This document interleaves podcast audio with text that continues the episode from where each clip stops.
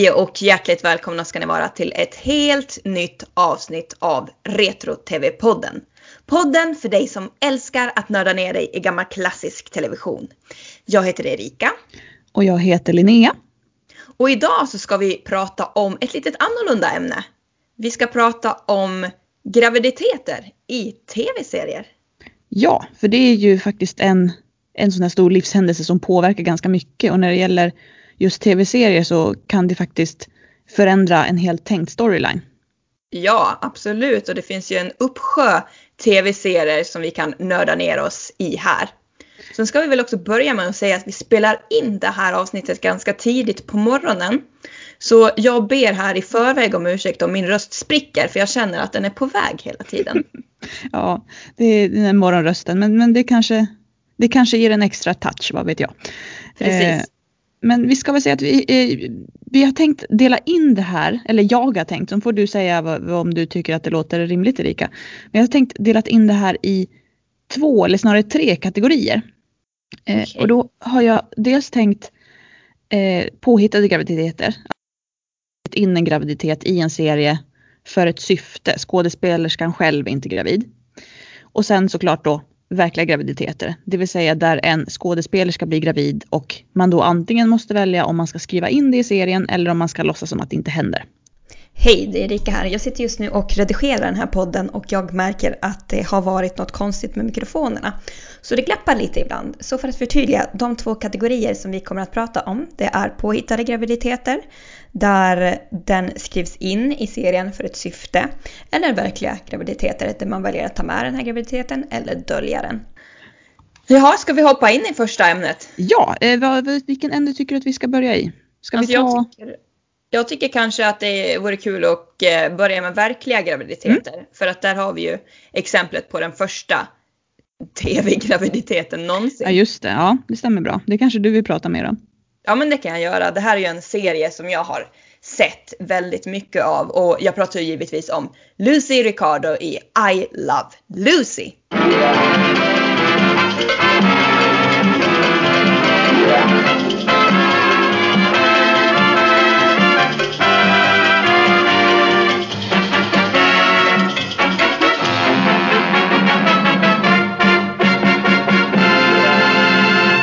Ja Linnea, är du, är du bekant med den här tv-serien?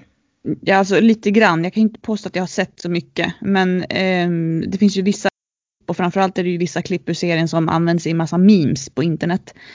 Eh, så att eh, jag känner till den hyfsat och jag kan ju själva huvud, eh, huvudtemat och det i den. Men jag har inte sett egentligen några hela avsnitt. Nej men precis, det handlar om Lucy Ricardo som bor med sin man Eh, jag säger alltid att han heter Desi, men det heter han inte. Han heter Ricky Ricardo i, eh, i serien och som spelades då av Lucille Ball som spelade Lucys riktiga man Desi Arness. Det var ju väldigt, det ganska vanligt på den här tiden att gifta par spelade gifta par i serier. Vi har ju Lucy och Desi här som spelade Lucy och Ricky och sen hade vi till exempel eh, jag säger alltid Nils och Harriet Olsen men de heter ju faktiskt Harriet och Ossie Nelson som spelade eh, Ozzy och Harriet i The Adventures of Ozzy and Harriet. Så att just det här med gifta par i tv-serier, det var ingenting ovanligt alls. Nej, och jag tänker också, nu killgissar här, men jag tänker också att det gjorde det enklare, framförallt tidigt, där 50-tal när tv började i USA, så fanns ju fortfarande den här idén om att kvinnor skulle stanna hemma och laga mat. Jag kan tänka mig att det var mer accepterat om en, en kvinna spelade in, hon som spelade in tv gjorde det tillsammans med sin man för då hade hon på något sätt, det sågs väl mer accepterat eller att hennes man accepterade det på något sätt. Det kanske var lite mer kritiskt att spela någon annans fru och samtidigt inte vara hemma och ta hand om liksom, hus och barn. Ja men precis, många trodde ju till exempel att uh, The Adventures of Ozzy and Harriet var en, en helt verklig version av Ozzy och Harriets riktiga liv. Så var det ju inte riktigt, men det var vad man förmedlade och trodde. Och så var det väl även lite i det här fallet, även om eh, karaktärerna Lucy och Ricky är ganska extrema. Ja, precis. Eh, och det vi ska säga också att det här är ju eh, det fallet när Lucy Ricardo är gravid. Eh, det är ju så pass tidigt i tv-historien att man, man, vill inte säga pregnant på tv. För att det, är på något sätt, det, det, det är lite hysch så man, så man säger bara att Lucy is expecting.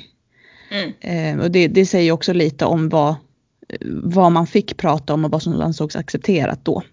Ja men e- exakt och det var ju så här också när de fick eh, reda på att de skulle få sitt andra barn. Eh, det här var ju ingen självklarhet för att Lucy var ju, hon var ju ändå ganska till åren kommen, hon var ju över 40 när det här hände.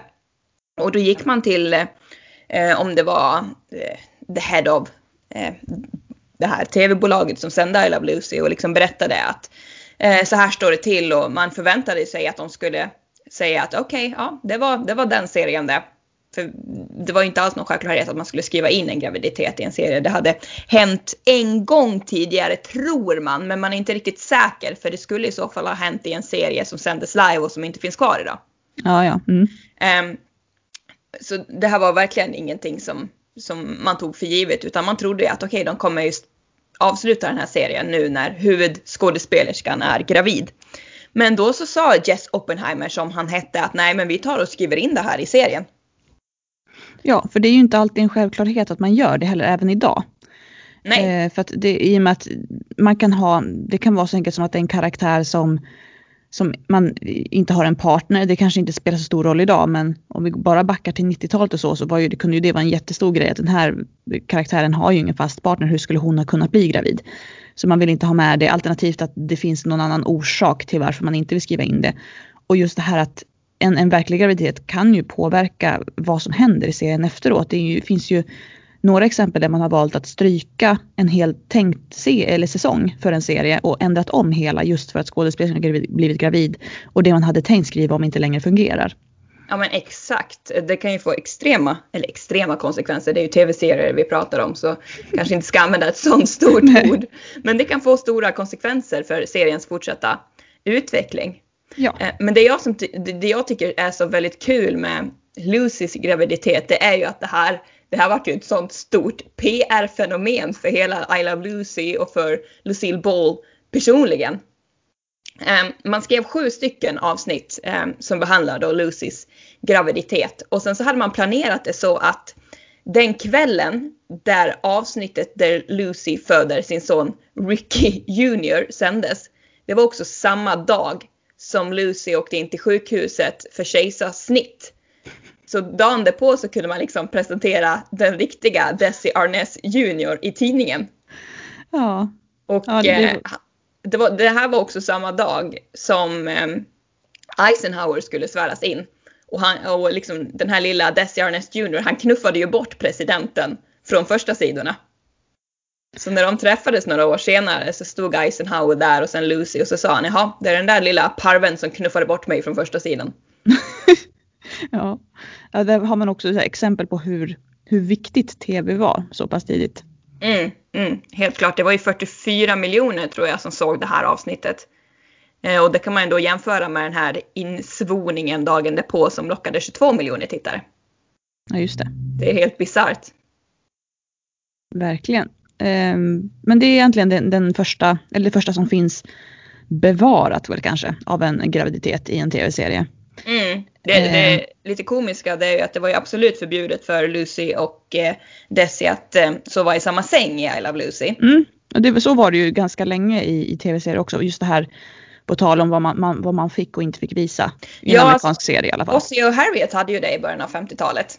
Okej. Okay. Eh, så de fick ju ha det märkligt nog, men inte Desi och Lucy. Men jag vet inte om det beror på att Desi och Lucy skulle skildra någon sorts yngre par. Medans eh, Harriet och eh, Ossie skulle vara liksom det här mer stabila, kanske inte lika passionerade äldre paret. Trots ja. att det typ inte är någon åldersskillnad mellan dem. Men de gestaltar ju liksom par i olika skeden av livet. Mm, det är sant. Ja, om vi ska gå vidare till lite mer modernare för då, eh, serier. Mm. För då har jag ett, ett sånt där praktexempel på hur, hur en graviditet verkligen ändrade en serie och kanske en skådespelares liv. Det är Aunt Viv i Fresh Prince i Bel-Air. Ja, just eh, det. Janet Hubert som då spelade första Aunt Viv. För Aunt Viv är en sån här roll som man har bytt skådespelare på. Eh, mm. Hon blev ju gravid där, jag vet inte, någon, ja, sista säsongen hon var med i. Och Sen efter den säsongen, efter hon har fött eh, det här barnet då, eh, så byter de ut skådespelaren. Och eh, jag har försökt forska lite det här. sägs att eh, det sägs att en av orsakerna till att hon fick sparken var det att eh, det stod i hennes kontrakt att hon inte fick bli gravid. Mm. Och så blev hon det ändå så var man ju då, kände sig tvungen att skriva in det i serien. Eh, sen samtidigt så ska man också veta att Janet Hubert och eh, Will Smith har ju en väldigt väldokumenterad fade mellan sig. De tyckte ju inte om varandra så att jag tänker att det är lika gärna det som är orsaken att Will Smith vill inte ha med henne att göra längre. Man kanske bara letade efter en anledning att sparka Ja, henne helt enkelt. Troligtvis, för det känns som att eh, även om man skriver in sådana här klausuler med tanke på att eh, Fresh Prince of ändå var en ganska populär serie då så känns det konstigt att man skulle sparka henne enbart av den anledningen utan jag tror att hon hade lite sådana samarbetssvårigheter. Ja, men så var det säkert. Men alltså skrev man alltså in den här graviditeten i serien? Ja, eh, och eh, Viv vid det här, lag, eller vid det här laget är väl också, måste väl också vara över 40. men det någonting. jag. så det var väl därför, i och med att alla hennes barn är, hon har ju två i princip vuxna barn Mm. och så hon Ashley heter hon va? Eh, Ja. Minsta dottern som ändå måste vara tidiga tonåren där någonstans. Så att man tänkte väl att det här paret har inte fler barn liksom. Eller framförallt inte yngre barn. Nej. Ehm, men blev det, det, alltså det här barnet, blev det sen en karaktär i serien? Ja, en liten grabb, nu har jag glömt vad han heter. Men eh, ja, han är med sen i resten av serien. Hur har jag totalt glömt bort den där lilla grabben? För att det- alltså, han är inte med så mycket utan det är ju Will Smith och, och ehm, oj, Carl- eh, eh, ja, Carlton eh, Riveras, vad han nu heter. Jag vet Ja, inte vad han det- heter, men han har ju sin fantastiska dans i alla fall Ja. som alla känner till. Ja, för han, den skådespelaren var ju dansare i grunden. Han var ju bakgrundsdansare till Michael Jackson ett tag och lite sånt. Ehm, så att det, Alfonso Ribera heter han, kom Ah. jag på nu. Var Så inte han han, med, oj förlåt. nej, nej, absolut. Var inte han med i en säsong av Dancing with the Stars? Jo, precis. Och jag, vet inte om han vann eller kom tvåa, men det, liksom, det var väl där det gick upp för allmänheten att han faktiskt var dansare på riktigt och inte bara kunde den här jättefåniga Carlton-dansen. Liksom. När ser man honom, liksom, kollar man på honom i eh, Fresh Prince i Bel-Air så tror man ju inte att han är en dansare. Han ser liksom inte riktigt ut som en dansare men det är väl för att man har liksom tuntat ner honom lite. Ja, precis. Och det är också, Carlton-dans den är ju jätte, jättetöntig också. Mm. Eh, men och samtidigt får man ju tänka att Selena tänker att det är ju nästan bara en riktig dansare som lyckas göra en sån dans riktigt bra. Det är sant. Så att eh, det, det är väl bara exempel på när någon faktiskt lyckas lura oss, oss vanliga som sitter och tittar på. Mm. Ja, men det är ungefär som eh, jag tänker eh, Patricia Routledge som spelar Hyacinth i din absoluta favoritserie, Skenet up bedrar. appearance. Ja, mm. Mm. Eh, hon ska ju sjunga liksom extremt falskt. Men det känns som att man måste vara duktig på att sjunga för att kunna sjunga sådär starkt extremt falskt. ja, jo men så är det. Det finns ju exempel också när Meryl Streep spelade Florence Foster Jenkins. Ja, skri- hon sjunger ju så pass illa så att alltså, det, man tror inte att det är sant. Men då har vi ju samtidigt sett henne i till exempel Mamma Mia där hon sjunger riktigt bra. Att, precis. Ja, och man kan tillägga också att Patricia Routledge var ju, eller är ju, hon, hon lever ju fortfarande även om hon inte sjunger så mycket. Hon var ju en extremt duktig sångerska. Mm. A maid is like the golden ore which hath Guinea's intrinsical hint, whose worth is never known before it is tried and impressed in the mint. A wife's like a guinea in gold, stamped with the name of her spouse. Now here, now there is bought or is sold, and is kept in every house.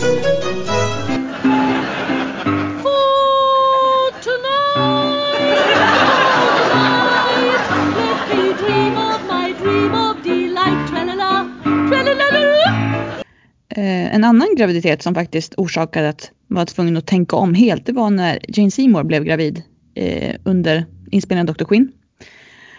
För hon eh, blev ju eh, gravida med sina tvillingar när de skulle göra fjärde säsongen. Eh, och som tur var så då hade ju Michaela som hon spelade hade ju precis gift sig med Sally.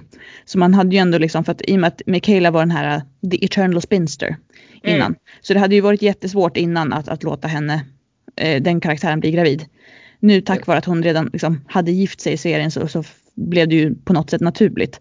Men eh, tanken bak, den egentliga tanken bakom säsong fyra var det att eh, Michaela skulle ha jättesvårt för det här att anpassa sig till att vara gift och framförallt till all intimitet som hon skulle ha med sin nya man. Mm. Och det skulle vara ett eh, längre så pågående tema under hela säsongen att, att liksom hon, är hon skulle vara så liksom, tillknäppt och så att hon skulle tycka att det var jobbigt. Men i och med att Jane Seymour blev gravid så fick man ju stryka det helt och bara gå helt på att eh, Michaela trivdes jättebra med det här. Och liksom fann sin roll direkt. Okej, okay, så det blir lite så här okaraktäristiskt då kanske för henne? Ja, jag... egentligen, egentligen, men Jane Seymour är ju så pass bra skådespelare så hon säljer ju det här ändå. Mm. Eh, men det här, eh, hon var väl också ganska gammal här va? Ja, mm. alltså det här var ju 95 någon gång och Jane Seymour måste ju född ja, tidigt 50-tal så hon måste också varit över 40. Jag tror att ja. hon hade hon hade ju två barn sedan innan som födda tidigt 80-tal någon gång. Så att, eh, men hon hade också, hon, eh, Jane Seymour hade ju precis gift sig med James Keach tror jag han heter. Stacy Keach. Ja, det, så att hon var ju om, liksom, nygift då. Det är ju inte helt ovanligt att skådespelare får sina barn i 40-årsåldern därför att 30-årsåldern är en, viktig, en väldigt viktig period i deras karriärer. Ja. Eh, och eh, blir man gravid och speciellt förr så, så kunde det ju ofta äventyra hela, hela karriären. Ja, så är det ju. Därför var det eh. extremt många som också har valt bort att få barn och många har ju adopterat. Om man kollar på liksom de stora gamla Hollywoodskådespelarna så känns det som att det var fler som hade adopterade barn än biologiska barn. Ja, och man får ju tänka på också att fortfarande idag så är det ju så att när en skådespelerska börjar komma upp mot 45-50 då finns det inga roller längre. Eh, det är ju väldigt vanligt att kvinnor får spela, liksom, börja spela mormor och farmor när de är liksom, i 50-årsåldern någonstans där. Mm. Eh, för det finns, alltså för att man liksom tar en, en leading man som kanske är 40-50 års åldern och sen så väljer man ut en 25-åring som ska spela mot. Eh, vilket gör att de här eh, åren under, när man är 30, eh, alltså från 30 till 40, de är väldigt, väldigt viktiga för ens karriär just för att eh, man inte kan vara säker på att få jobb överhuvudtaget efter 40. Nej men precis, om man inte är Lucille Ball då och ja. bestämmer själv nästan. Ja, precis. Ja, det finns ju några, och några undantag. Mm, ja, precis. Sen har vi ett, ett intressant exempel tycker jag med Skål. Mm. Den här sitcomen som gick på 80-talet. För där var det en säsong som både Rhea Perlman och Shelley Long blev gravida samtidigt. Vilka, vilka spelar de här? Eh, Shelley Long är ju, gud jag kommer inte ihåg vad de heter, men hon, den blonda tjejen i baren som blir Sams eh, kuttersmycke ah. de säga. Och eh, Rhea Perlman det är hon den lite mer, får man säga, bitchiga, eh, hon med lockigt hår du vet som är liksom aldrig har svar på tal. Den med lite riv i. Ja precis och Rhea Perlman är ju gift med Danny DeVito. Ah. För övrigt, ja de är ett par.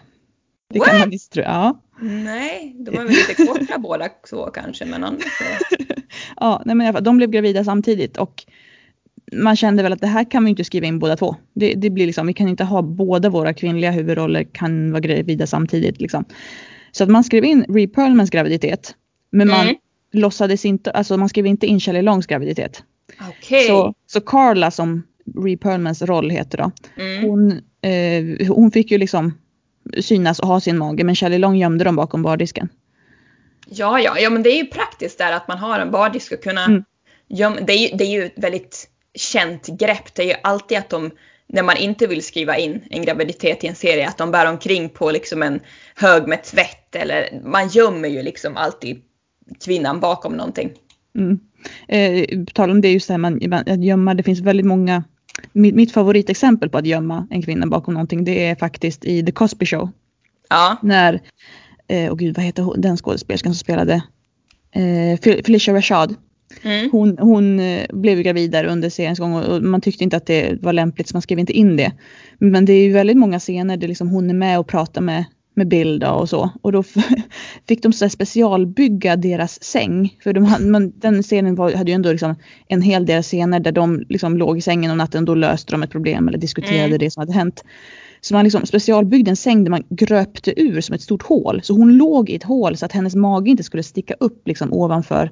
Nej, så att som hon skulle se smal ut. Och, det, och till slut så, vet, Bill Cosby hade sagt någonting. Alltså, men, nej, men vi kan väl köra in en hel lastbil här för att liksom, han menade att, att Felicia blev, att hon, hennes mage blev så stor så det blev mer löjligt och löjligt att försöka dölja den liksom. Ja, det är ju mer eller mindre lätt att dölja. Alltså alla lägger på sig väldigt olika. Vilka, vissa blir ju väldigt förändrade i ansiktet också. Mm. Och då, det är ju lite löjligt ibland för alla vet ju okej okay, den här skådespelerskan är gravid. Men man gömmer det och nu låtsas vi inte om det. Fast det är så uppenbart. Alla mm. ser det. Ja, precis. Ja, men det finns ju det, det finns ju vissa fall då man liksom har förstärkt det här snarare. Mhm, vad Eh, då? Ja men nu tänker jag på Phoebe Buffet i Vänner. Ja, Eh, och där var ju Lisa Kudrow eh, gravid på riktigt. Och då skrev man ju in i tv-serien att Phoebe blev en surrogat eh, mamma till just sin det, precis. brors eh, Precis. Ja, just det. tvillingar. Ja, just det. Trill, ja, ja. Mm. Så eftersom att eh, Lisa Kudrow bara väntade ett barn medan Phoebe väntade tre barn så var man ju tvungen att göra den här magen mycket större för att det skulle se verkligt ut. Ja, så man har liksom dolt en mage genom att göra den större på ett sätt. Men precis, det är förresten helt bisarrt att Phoebes bror då skulle vara tillsammans med Deborah Joe Rupp. Eh, jättekonstigt. Ja, men det var väl det som var en, en del av hela grejen. Alltså så. Ja, precis. Eh. Att, eh, att hon var äldre. Och det var väl liksom en, en, en grej av den liksom, vad som gjorde det roligt i och med att just att hon var äldre. Det Precis. skulle väl vara lite chockerande där på 90-talet. Ja, alltså tiderna har verkligen förändrats. Nu när man tittar tillbaka på avsnitt sända på 90-talet så känns det som liksom, ja, jag vet inte, det känns som verkligen ett annat sekel, eh, vilket det också var. Men eh, nej, det känns som att det har förändrats ganska mycket. Även om Mm, men så är 90-talet det. var liksom out there, men det är på något vis rotat i det gamla fortfarande. Men sen finns det ju också några fall där det tyvärr inte har gått så bra. Mm, precis, du tänker på, på våra värsta år då? Ja, våra värsta år som verkligen var våra värsta år för Katie Sagal. Mm, precis, för hon, hon blev gravid 91 eh, Mm. och då valde man att skriva in det så att Peggy också skulle vara gravid. Peggy Bandy som hon spelade.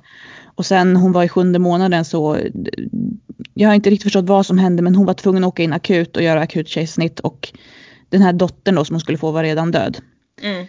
Eh, och då hade man ju det här problemet att då hade man ju skrivit in i serien att hon var gravid och hade pratat om det väldigt, väldigt mycket. Och hur löser man det här? För att antingen så ska man ju då låta alltså även eh, Peggy få eh, liksom ett, ett dödfött barn. Och det ville man ju inte utsätta Katie Sagal för, för hon var ju redan helt förstörd. Eh, för det här var väl hennes första barn hon skulle få också, tror jag. Eh, och, eller så gör man så att man låter Peggy Bundy ha en helt frisk graviditet och få ett barn. Det är ju också jättehemskt mot Katie Sagal. Mm. Eh, så man, man satt liksom i en rävsax där. För man kunde inte, och till slut bestämde man sig för att det fick vara en dröm. Att det här var, jag tror att det var Als, att han hade haft en mardröm och drömt Mm. att, att, att Peggy hade varit gravid. Och så liksom nämnde man det i en replik och sen så nämndes det aldrig mer. Man gjorde en Dallas, typ. Ja, exakt. Eh, och det var väl bästa man kunde göra. Eh, Ja. För att man, man kan ju inte låtsas som att det inte har hänt heller. På det här sättet så hade det hänt men bara i en dröm. Man kunde nämna det i förbifarten och så liksom bara gå vidare. Mm. Serien blev ju inte riktigt densamma efter det här. Eh, skulle jag säga. Och sen så, eh, hennes två senare graviditeter, de skrevs ju inte in utan då fick ju Peggy åka, ja hon åkte iväg på en jorden runt-resa och sen liksom filmade man henne ja, men från midjan och eller ja, övre delen av kroppen som man inte såg att hon var gravid. Mm. Eh, Men jag minns liksom att hela dynamiken i serien förändrades efter det här. Den blev aldrig densamma. Så det satte verkligen liksom starka spår på alla. Ja, och det här måste ju, man måste tänka att det här måste också vara ett fall där man var tvungen att ändra hela, eh, hela liksom, eh, alla storylines och sånt. För att Mm. har man påbörjat saker då under, för jag vet inte hur många avsnitt man spelade in när hon var gravid, men om allt det ska höra till den här drömmen eller mardrömmen då, då måste man ju också bestämma sig för hur mycket av det här kan vi ta med oss in i resten av serien eller måste vi stryka allt? För Mm. det här har ju nu inte hänt. Nej, Eh, nej och då precis. helt plötsligt måste man ju göra om hela, liksom, he- hela sin planering för resten av säsongen och framtida säsonger också. Mm. Ja. Inte lätt alls. Det kan, alltså, det kan ju innebära slutet för en serie om det vill sig riktigt illa. Ja, ja precis. Eh, ja, det är svårt att komma, komma loss från det. Alltså, jag tror att i det här fallet så hjälptes det lite av att Våra värsta år var just en komediserie. För då, där kan man ta sig lite mer friheter än vad man kan i en dramaserie. Ja men tänk om det hade varit, eh, ta en riktigt, riktigt realistisk serie. Ja det hade aldrig funkat. Man hade ju Nej. tappat det direkt. Ja, Det var ju så här, det är som Dallas tappade man ju lite respekten för när Bobby plötsligt återuppstod. Det, det funkar ju inte riktigt. Han var ju en högt älskad karaktär så alla var väl glada över att han kom tillbaka. Men det är ändå liksom att okej nu har man tappat realismen. Nu har en jump the shark som man brukar säga. Ja, eh, i fallet med Dallas så var det väl lite så också att man gjorde ju det för att man redan höll på att bli av med hela serien. Så det här var ju ett sätt att liksom kon göra konstgjord andning på serien. Eh, så att man var ju redan på väg att, att, att eh, stänga ner allt liksom. Ja, den sena delen av Dallas är ju inte alls lika bra som de här tidiga åren på 80-talet när JR blev skjuten och, och grejer. Eh, den gick lite på, på sparlåga de sista åren. Ja. Konstgjord andning. Ja, precis. Jag har ett annat sånt exempel på eh, en verklig graviditet som man har skrivit in i en serie som man sen har behandlat ganska dåligt. Aha, Eh, och då tänker jag på skådespelerskan Patsy Peace som spelade Kimberly Brady i Våra bästa år. Eh, det vill säga den här såpan Days of Our Lives. Evighetssåpan i USA. och när Eh, var, var det? Den här har ju hållit på länge så när i tid är vi nu? Eh, nu är vi nog ungefär andra halvan av 80-talet. För jag tror Patsy Peace jobbade där mellan 86 kanske och 92 någonstans. Men det borde vara eh, ganska tidigt när hon var där. Så i, i slutet på 80-talet då. Ah, Eh, och då var hon eh, skådespelerskan gravid och så skulle hon ehm, hade man skrivit in det och sen hade man en storyline där Kimberly, som hennes roll hette då, skulle rädda en annan kvinna. Eh, den här andra kvinnan hade blivit inlurad nästan i prostitution så Kimberly skulle rädda henne från det här. Och då Mm. har man skrivit en scen hon har hittat den här tjejen på något lager eller vad det är och blir upptäckt av den här halliken och den här halliken kastar in Kim i ett skrivbord. Eh, och då skrev man in då scenen att, att hon får missfall. Och det här var då eh, Patsy Beast tvungen att spela trots att hon var gravid. Ehm, och sen eh, liksom hon pratat i intervjuer om hur, hur, hur, hur svårt det var. För hon, är så- hon har ju så mycket hormoner i. Så ska hon spela att hennes barn har dött fast, det- Mm. fast hon vet att det lever. Och hon liksom var jätteorolig för att det skulle påverka fostret på något sätt. mm, Eh, och sen gör, gör man så att nästa gång som man skriver in att, liksom, eller nästa gång Patsy Peace är gravid, när hon är gravid med sitt andra barn. Då, då vill man göra samma sak, de här producenterna. Så då vill man skriva in en graviditet för Kimberly och att hon då ska få ett dödfött barn. Eh, det och, mm, förlåt. Nej, fortsätt du. ja, nej, och det, då satte ju Patsy Peace ner foten och så vägrade hon göra det. Då fick hon sparken. Men gud, det känns ju som att det har varit manliga producenter och manliga manusförfattare här. Ja, ja absolut. Och de har väl bestämt att det här är liksom, den, liksom hög dramatik. Så att liksom man har tänkt mer på sina tittarsiffror än på sina anställda. Ja, herregud. Ehm, ja, det är um, såpoperans mörka sida kanske. Ja, lite så. Men det har väl varit så lite överlag våra bästa år att det har varit bråkigt kring kontrakt och hit och dit mm, skådespelare som har varit väldigt missnöjda med löner och, och så. Ja, så är det. Och framförallt, framförallt nu på senare år ska man säga. I och med att eh, såpor i USA har ju inte samma status som de hade på 80-talet. Nej. Så man har ju, försökt, man har ju sänkt löner. Eller jag tror att det är någon av de här såpa, eh, de som har varit kvar liksom länge som har jobbat än sedan 60-talet som har sagt det att jag tjänar ju mindre idag per avsnitt än vad jag gjorde på 80-talet. Mm. Just för Ja. att man har sänkt lönerna så otroligt mycket. Jag tycker alltså som svensk så tror man ju att de här American Daytime Soaps som våra bästa år och glamour och att de ses liksom av miljoner och åter miljoner. Men de har väl bara liksom några hundratusentals tittare.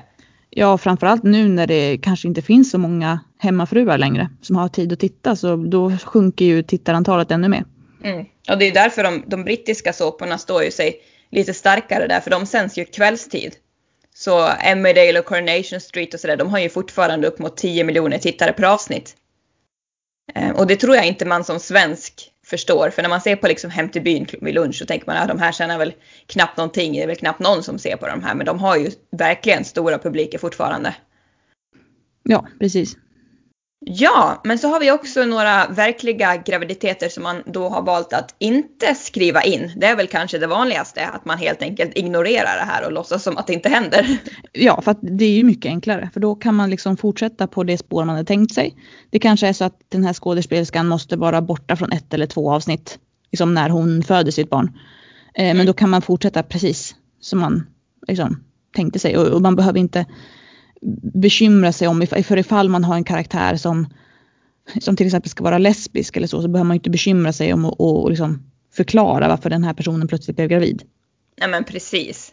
Eh, Det gör ju saken mycket enklare och, och det får ju ingen påverkan på följande säsonger heller. Man Nej. måste ju inte ha ett, ett barn som man helt enkelt plötsligt ska passa in i serien. Nej, Precis. Eh, ibland så, jag vet i alla fall i, i Hem till gården som då jag har följt slaviskt i många år.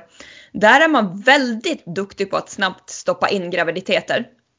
Eh, eh, det är alltså påhittade graviditeter som man stoppar in. Eh, och sen så får det som följd att eh, de här barnen, de är kanske med ja, någon månad efter att de har fötts men sen så försvinner alla mystiskt. Så att det finns liksom så här skämt att ja men Leo han eh, är någonstans med Bobs tvillingar. För att det är liksom, man ser dem aldrig, aldrig, aldrig, aldrig. Nej, men så är det ju med amerikanska såpor också. Att man skriver in en graviditet eh, oftast för man vill ha en sån här Who's the daddy storyline. Du vet, så här, man vet inte vem det är som är pappan. Eh, och sen är det intressant eh, någon månad efteråt, alltså efter att barnet är fött, för att då ska man komma fram till vem det är som är far till det här barnet. Och sen så går det inte att hitta på någonting mer med den här ungen. Eh, så då försvinner de iväg och sen i amerikanska såpor har man eh, ju det här fenomenet SORAS. Vet du vad det står för?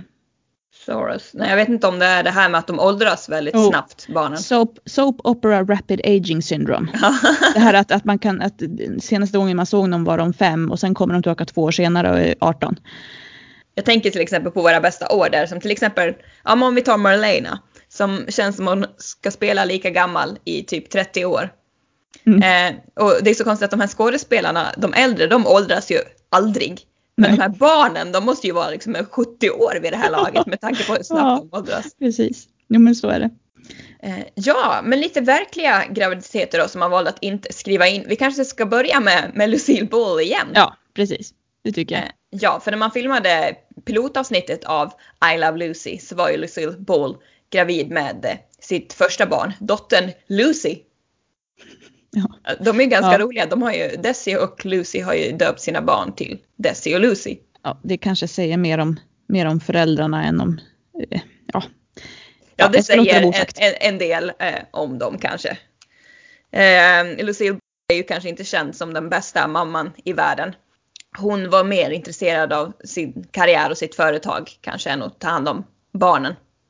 Eh, jag vet att hennes kompis Vivian Vance som spelade Ethel i I Love Lucy och senare Vivian Bagley i The Lucy Show. Hon har ju sagt att hon tyckte inte att barn hörde hemma i showbusiness alls.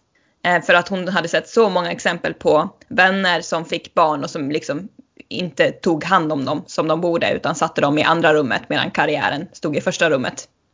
Så hon hade ju själv inga barn officiellt. Även om jag då misstänker att hennes 17 år yngre syster som bara plötsligt dök upp och som hon testamenterade alla sina pengar till kanske i själva verket är hennes dotter. Mycket möjligt. Ja. Eh, hon vart ju förskjuten också från sin familj för att mamman betraktade henne som en, eh, ja, lättsinnig kvinna. Jaha, Jaha. där ser man. Mm. Eh, men ja, i alla fall den här graviditeten den skrev man ju inte in utan här så filmade man ju runt Lucy. Man filmade mycket från eh, midjan och uppåt, vilket är ett ganska konstigt val med tanke på att eh, Lucille Ball var ju slapstickmästare och snubblade runt och ramlade runt och använde sin kropp väldigt mycket. Mm. Så att eh, här riskerade man ju att förlora en stor del av I Love Lucys eh, dragningskraft. Om du förstår hur jag menar. Mm, ja, precis. Mm. Men så gjorde man. Men vad, hur, vad fick hon göra istället då?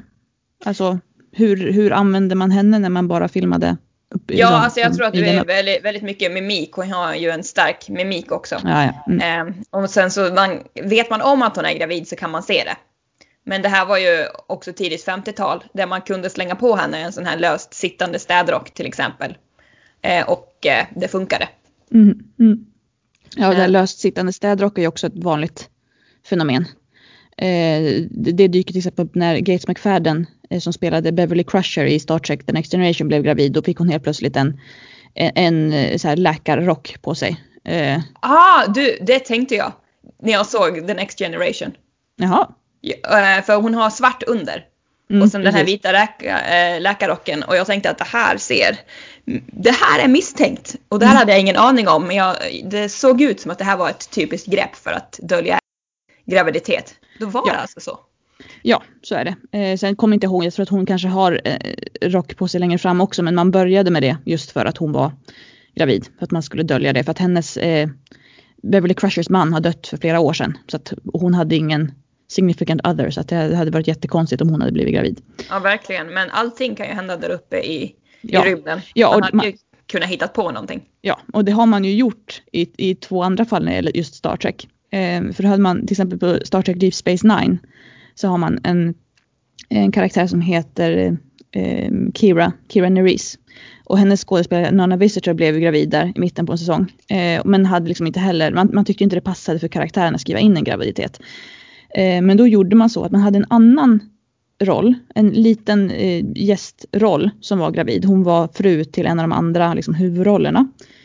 Eh, och då, den, då hade man redan skrivit in att den karaktären var gravid. Och då ordnade man det så att, att den här andra karaktären Keiko som hon heter och eh, Kira är iväg på en eh, away mission tillsammans och, och tillsammans med då eh, stationens läkare. Och när, när de är borta på det här så, så om de åker in i ett meteoritregn, det händer någonting i alla fall och Keiko blir skadad och då för att, att rädda både henne och barnet så för man över fostret in i eh, Kira.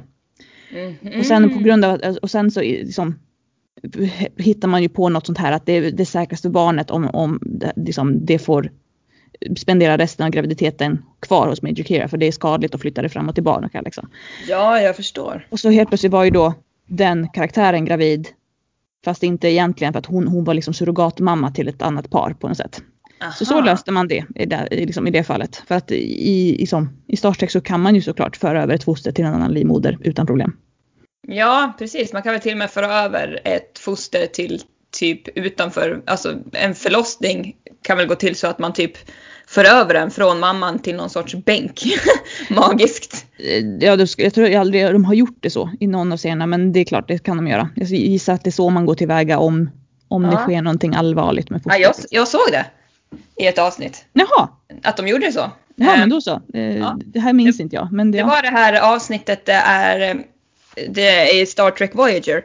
Ja, men... Det är typ två parallella skepp. Ja, just det. Eh, det... Och då så gör man någon sån här eh, fosteröverföring ja. tror jag man kallar det. Ja, Naomi eh, Wildman måste det vara då. Ja men precis. Mm.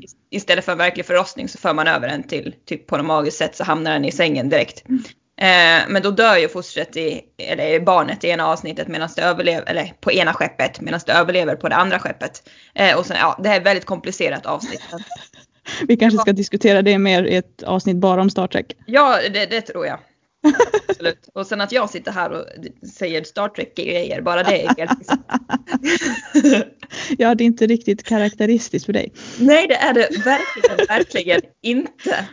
Eh, som sagt, jag är ju mer trygg i den här gamla I Love Lucy-träsket. Ja. Eh, men, men på tal om just det här där det inte passar sig att man skriver in en graviditet. Eh, tänker jag framförallt kanske på Sally Field mm. i The Flying Nun. Ja oh, herregud. Hon spelar, hon spelar ju nunna. Hon, eh, så det hade ju blivit lite konstigt om hon hade blivit gravid. Eh, ja, i och för sig så händer det ju mycket inom den katolska kyrkan tänker jag. Eh, om det här är en katolsk nunna, hon är kanske inte det förresten. Jo, det tror jag att hon är. Det är hela, hela, hela upptakten den här scenen är att hon, hon väger så pass lite att hon kan flyga i sitt nunnedok. Eh, alltså det, den, ja ja, det är, ju mindre sagt desto bättre tror jag om den serien och hela den premissen. Ja, herregud. Ehm, det här är en serie från sent 60, tidigt 70-tal Ja, precis. Ja. Så Sally Field slog igenom. Eh, sen finns det också exempel på eh, från en annan amerikansk såpa, nämligen General Hospital. Så hade, eh, var det en, en skådespelerska som heter Jacqueline Seaman mm. som blev gravid. det skrev man inte heller in i såpan trots att man nog gärna skulle ha gjort det för att man hade haft en storyline ett tag tidigare där, där hennes karaktär hade genomgått en hysterektomi. Och vad betyder alltså, det? Betyder det att man tar bort? Eh, man tar bort hela livmodern. Ah. Eh, och eh, man tyckte väl att det var lite för, för science fiction till och med för den såpan. Att skriva in att hon plötsligt hade en, en mirakelgraviditet när hon inte har en livmoder. Ja nej det kan ju faktiskt inte hända. Nej, trots att det hänt mycket annat i, i framförallt General Hospital som inte kan hända heller. Men där någonstans drog man en gräns. General Hospital, är det också en, en såpa? Du som har koll på de amerikanska ja, såporna. Ja, det, det, är också en sån där som har gått sedan 60-talet. Det är en av de få såporna de har kvar. Okej. Okay. Eh, som utspelar sig på, på ett sjukhus då, eh, som, som titeln antyder. Men eh, också så här, ja men mycket dramatik. Ja. Är det tre såpor man har kvar eller? Eh, fyra tror jag. Det är Days of Our Lives, General Hospital och de här två systersåporna, eh, The Bold and the Beautiful och The Young and the Restless. Ja ah, okej. Okay. Okej. Okay. Ja, men då är det en hel del som har, som har försvunnit under årens lopp. Ja, så är det. Men det finns väl inte utrymme för fler daytime soaps, som sagt, Nej. med den förändrade eh, publiken. Nej, så är det. Jag har ett, ett favoritexempel till på en Oh. verklig graviditet som man inte har skrivit in. Låt höra, låt höra. Ja, det är Gillian Anderson som spelar Dana Scully i Arkivex. För hon var gravid i början på säsong två och det ville man inte skriva in. Och då, för att förklara varför hon skulle vara borta några avsnitt när hon, liksom skådespelerskan födde eh, sitt eget barn, så låter man Dana bli kidnappad av aliens.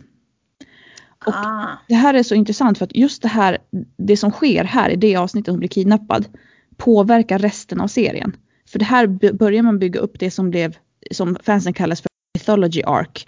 Liksom som förklarar hela uppkomsten med aliens och liksom vad de försöker göra på jorden. Och det är bara egentligen på grund av det här avsnittet för det hade man inte liksom planerat ut riktigt hur man skulle göra än. Men då blev det så att i och med att hon blev kidnappad här då fick det så mycket liksom, upp, liksom uppkomst till mycket andra idéer och hur man ville göra. Så okej. här är ett exempel där liksom en verklig graviditet verkligen har spelat roll för, för serien och hur serien ble, liksom fick kultstatus. Det är ju jättespännande. Mm. Jag gillar ju kostymdrama. Mm. Som du Ja, ja, ja, om. jag vet, jag vet, jag vet. Eh, och i succéserien Stolthet och fördom från 1995 baserad på Jane Austens fantastiska roman eh, så spelas ju Jane av Susanna Harker. Ja, just det. Mm. Eh, och hon, eh, om hon blev gravid under seriens gång eller om hon redan var det när man började filma, det är osagt. Men eh, hon började i alla fall liksom visa Mhm. eh, Och det- under Det seriens tänker gång. man ju inte på. Nej, alltså det här ska utspela sig i början av 1800-talet och då hade man ju ett eh, förlåtande mode. Man hade ju den här empiriska klädstilen med höga midjor, det vill säga att man, midjan satt direkt under Mm, bysten. det. Mm, precis. Eh, och sen sitter hon ju ner en hel del. Hon sitter och broderar extremt, extremt mycket. Ja, okej. Ja. Eh, men det passar ju också Janes karaktär för Ja. Jane är ju den typen. Det hade ju aldrig funkat om Jennifer Ely hade varit gravid för hon ska ju vara up and about Precis. Eh, väldigt mycket, alltså Lizzie. Eh, Ja. Så det hade ju inte funkat. Men Susanna Harker man märker det inte alls och även om man vet det så syns det knappt. Nej, precis. Så att, eh, ja nej det där, det där gjorde man bra. Men som sagt det är tidens eh, förlåtande mode. Mm. Perfekt om man är lite så här, du vet, ätit för mycket så syns det inte. Ja. Eh, Vi har egentligen raka motsatsen till det här också. Eh, Då tänker jag på eh, Courtney Cox i Vänner. Mm. För att om man, om man i fallet med Lisa Kudrow valde att skriva in graviditeten och gjorde till och med magen större så vill man göra allt för att det inte skulle synas att Courtney Cox var gravid. För då hade man ju, det var ju- precis sista avsnitten av Vänner. Och då hade man ju haft en ganska lång storyline där ehm, där Monica och Chandler hade försökt skaffa barn men inte Ja. kunde få barn. Precis. Så att hon, de skulle ju få barn via surrogatmamma och då funkar det ju inte riktigt när man har lagt så mycket krut på den storylinen att helt plötsligt är hon gravid själv.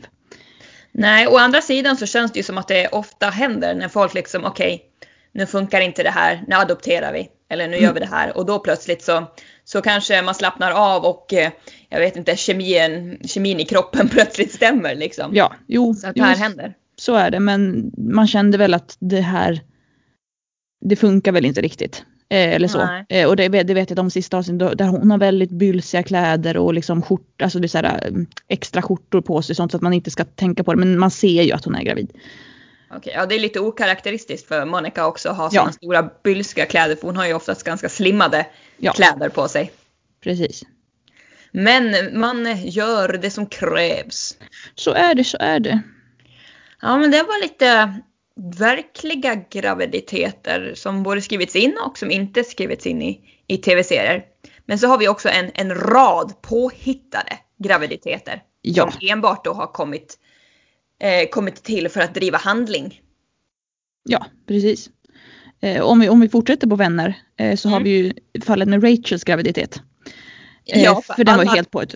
Precis, alla vet ju att Jennifer Aniston aldrig har varit gravid för att hur många kvällstidningar har inte skrivit om, om det här faktum att eh, Jennifer Aniston inte har några barn. Nej, och hur många barn borde hon inte haft i det här laget om allt hade varit sant så fort de skrev att hon var gravid. Precis. Eh, men i alla fall, det, så det är ju en påhittad graviditet som är liksom för att maximera eh, dramat i, i serien. Eh, men det är lite kul för då har vi en verklig graviditet som skrevs in med Lisa Kudrow. En verklig graviditet som inte skrevs in med Courtney Cox och en påhittad graviditet med, med Jennifer Aniston. Eh, så man liksom, där, nu har vi liksom fått in alla kategorier i en och samma serie här. Ja, precis. Och det är väl kanske det som händer när man har liksom tre stycken kvinnor i huvudrollen som är typ 30, tidiga 40. Ja, precis. Ja, men det, det, här med Rachel och, det var väl Rachel och Ross. Jag har ju inte följt vänner och jag tror inte du har gjort det heller till någon större utsträckning.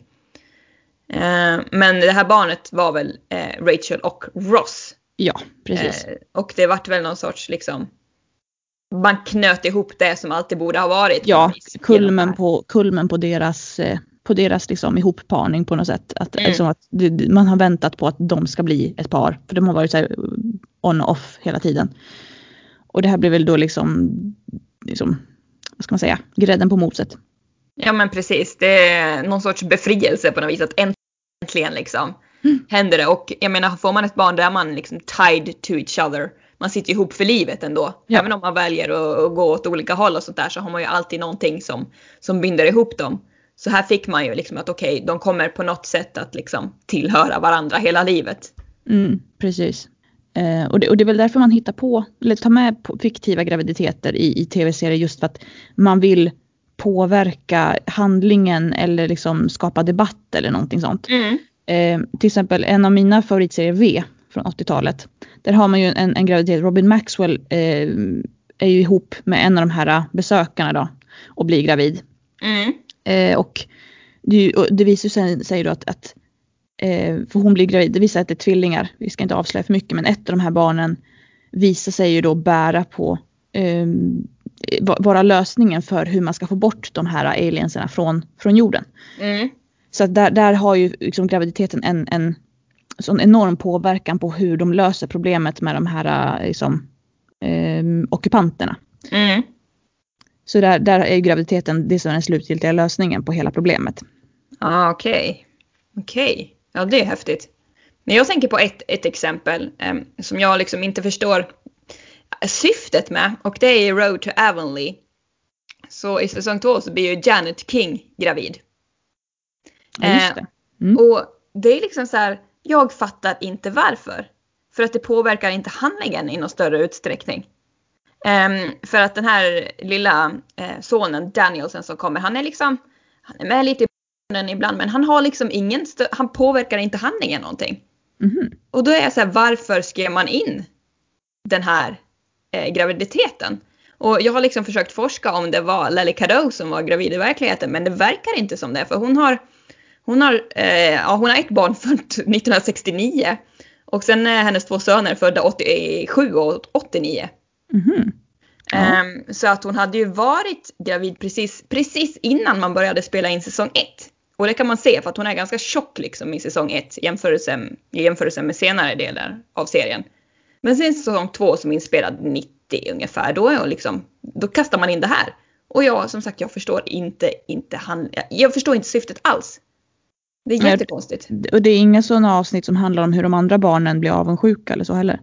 Nej, det är det inte. Däremot finns det ett avsnitt som handlar om hur Janet tvivlar på sig själv. Hon är ju ganska så här rätt framåt och mm, tänker inte så mycket konsekvenser och sådana här saker. Eh, och sen så i ett av de senare avsnitten när det närmar sig eh, det här barnets födelse så blir hon liksom ganska rädd. För hon blir mm. påmind om sin ålder. Eh, sen tror inte jag att hon kan vara så gammal för att hon gifte sig ung sägs det. Och eh, hon har varit gift i 15 år i säsong 1 så hon kan liksom högst vara typ 36-37 år så hon är inte speciellt gammal. Eh, men hon är väldigt så här, får typ ångest och tvivlar väldigt mycket på sig själv att hon inte kommer klara av det. Vad är hon? Hon kan ju knappt ta hand om de tre som hon redan har och nu ska hon få ytterligare ett.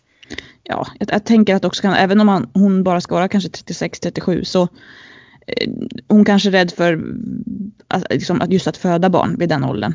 För att det blir väl svårare när man blir äldre. Eh. Ja, men tydligen blir hon också påminn om att hon hade det, hon tänker inte på det först, men tydligen så hade hon det väldigt tufft med eh, Cecily, eh, det tredje barnet då som vid den här tiden är tio år gammal. Så att eh, hon är ju helt glad i hågen, Janet där och står uppe på någon steg och byter gardiner. Och så kommer doktorn in och säger, vad håller du på med egentligen? Hon bara, nej men vadå, jag är ingenting. Han bara, men du måste ju ta det lugnt, har du glömt bort hur tufft du hade det med Cecily? Och då bara, puff, slår det till henne liksom att okej, okay, jag hade det tufft och hon blir liksom rädd. Ja, och jag tror att det också är en sån här grej att hon, det här är ju början av 1900-talet och det var ju faktiskt inte helt ovanligt att man fortfarande vid denna tid dog i barnsäng. Nej, precis. Så det kan ju också finnas att hon har en rädsla för att dö och faktiskt lämna sin man och, och de barnen som hon har. Ja, det var, det var lite det, den, de banorna jag tänkte. Mm. Ja, men så, så kan det mycket väl vara. Så möjligt att man har skrivit in det då just för att ge skådespelerskan någonting lite köttigt att spela. Ja, men så, absolut. Jag tror att Janet, Cad äh, Janet Cadeau, Lally Cadeau är nog en... Äh, jag har fått för mig att hon är lite svår att arbeta med. Äh, så hon kan nog ha, ha krävt något sånt. Ja. Faktiskt. men sen så är det ju också ett bevis på att Janet och Alex, som hennes man heter, de ska vara lite så här det, det antyds ganska tydligt att de har ett ganska passionerat eh, förhållande. Så det här ska väl vara någon sorts liksom, resultat av, av det. Ja, ja jag förstår. Eh, jag tänkte två påhittade graviditeter som skapade stor debatt i USA. Mm. På, vad blir det, 70 och 90-talet. Mm. Eh, framförallt Maud i serien som hette Maud eh, med B. Arthur. And then there's Maud. And then there's Maud. And then there's Maud.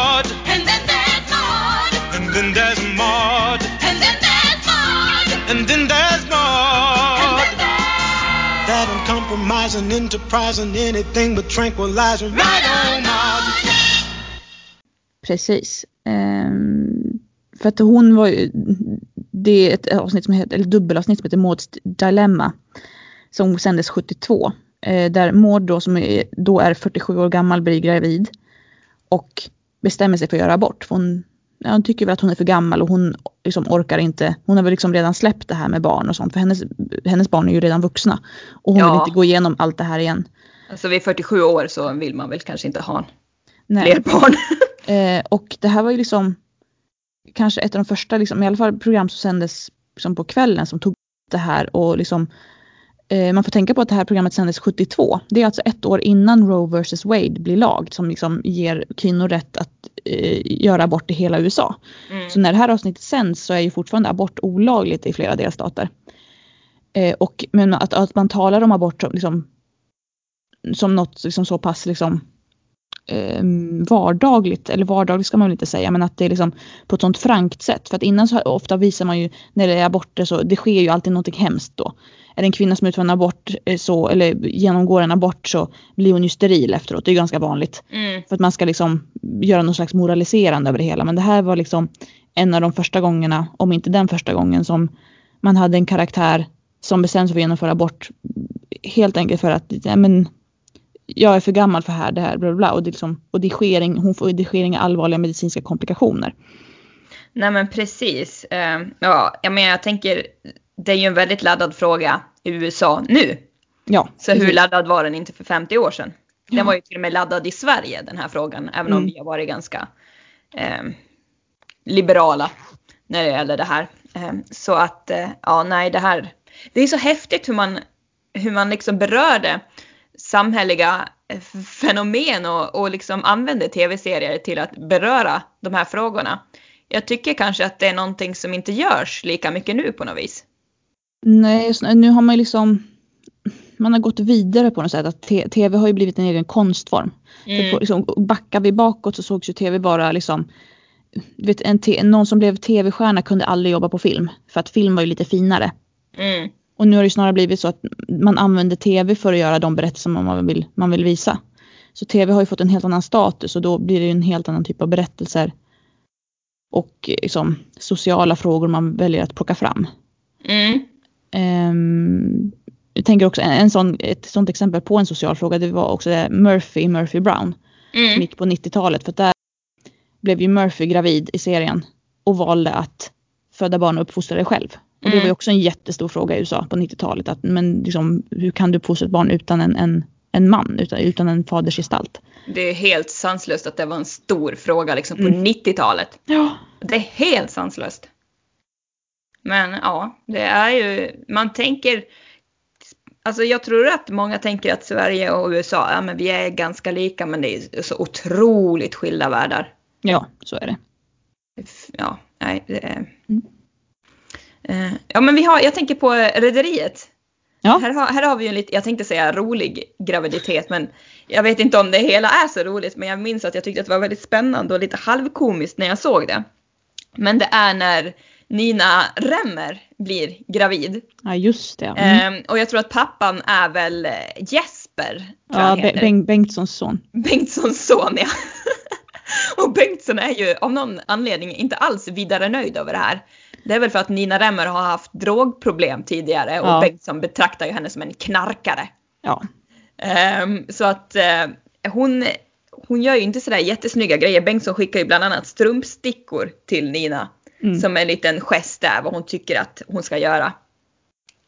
Eh, men sen är det väl ett tillfälle när Freja går på grund. Ja, precis. Det är stor dramatik. Ja det är jätte, jättekul. Det var slutet av avsnittet och allting hände i slow motion. Eh, och sen så fick vi se resten eh, eh, resterande vecka. Men i alla fall Freja går på grund och just när det här händer så är både Bengtsson och Nina Remmer i trappen. Mm. Och Nina ramlar väl framåt och ner för trappen. Ja, hon gör en jäkla kullerbytta också. Det ser helt absurt ut. Det liksom, jag tänker mig att ramlar man så alltså man, man borde liksom ramla framåt och försöka ta emot sig med händerna. Men hon gör verkligen nästan en salto mortal i luften vad jag minns. Att det är verkligen så här superdramatiskt. Men hon ramlar liksom ner för trappen och eh, liksom ner på nästa våning liksom. Ja, precis. Eh, Och Bengtsson, man säger att hon sträcker liksom som ut en hand på något vis efter henne har jag för mig. Mm. Eh, Och man eh, vet väl kanske inte riktigt om hon knuffar eller om hon försöker få tag i henne. Nej, jag, eller jag uppfattade det alltid som att hon försökte liksom få tag i Nina. Ja. Jag tror att det, de flesta uppfattar det som att Bengtsson försökte rädda henne. Men just att hon sträcker ut en hand gör ju att det går att tolka som att hon knuffade Nina. Precis. Men Nina är ju i alla fall helt säker på att hon har blivit knuff- knuffad av Bengtsson. Mm. Eh, Men, eh, ja, nej, men jag tror att vi som publik faktiskt stod på Bengtssons sida där och såg att hon försöker rädda henne men hon blir beskylld för att ha försökt knuffa henne. Mm. Eh, och det är väl en av få grejer, eller gånger som man faktiskt håller på Bengtsson. Eller hon hade ju liksom en sympatisk sida till sig. Eh, man kunde se på något vis att hon, hon har haft det tufft i livet tror jag. Mm.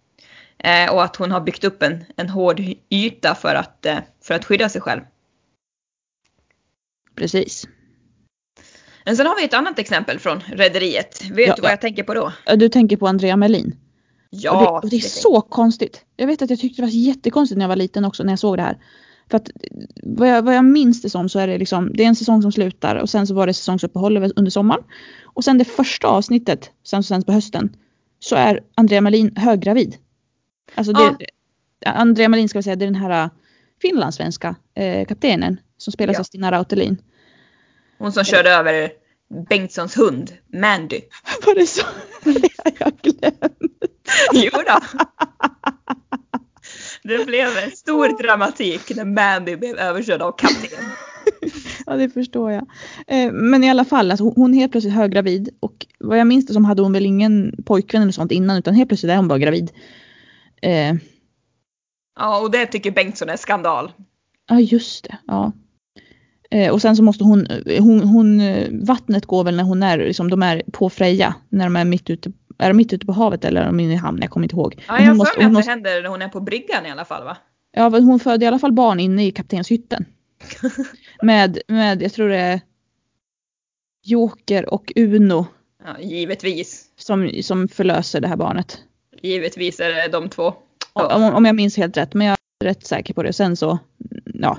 Men alltså, jag fattar inte här. Vi snackar om en Finlandsbåt med massa pensionärer som åker eh, fram och tillbaka. Borde det inte finnas en läkare eller sjuksköterska ombord? Nej, Jag då tar det. man in Uno och Joker istället som får fixa det ja här. men, men det är därför jag funderar på om det är så att de står i hamnen och Ja. det går så pass fort att de, alltså att, liksom att, att de har inte, inga passagerare på.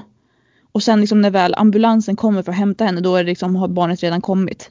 Ja, men så kan det vara. Eh, Jag, jag minns inte det här men det, det, är liksom, det känns som att det vore en rimlig, Jag ska- mer rimlig eh, Ja, ska, man, ska man tänka logiskt så, så borde det vara så. För annars så borde de ha haft en liksom, skeppsläkare eller Ja. sjuksköterska som, som kom dit. Ja om inte annat en, en det måste, borde nästan ha funnits en barnmorska i passagerarlistan liksom. Ja men precis. Nästan. Eh, Ja, men helt säkert, det är ju flera hundra ombord. Eh, men så i alla fall hon får det här barnet och sen så försvinner hon ut ur serien. Och jag tror att man skrev in den här graviditeten bara för att förklara varför, varför de bytte kapten. Ah, jag förstår. För att jag Ja, tror bara hon är med i det. Alltså jag tror att det bara är första avsnittet för säsongen. Där hon då är höggravid. Jag tror att hon får, får sitt barn i samma avsnitt och sen så är det liksom hej då Stina Rautelin. Eh, Ah, okej.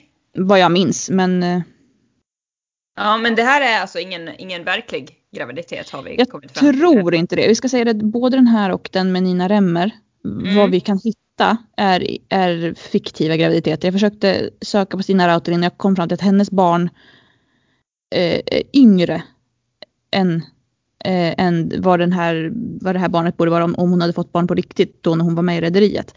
Okej. Eh, så att med förbehåll för att vi kan ha fel men vi, vi, jag tror att båda graviditeterna som vi har tagit upp från Rederiet är fiktiva graviditeter.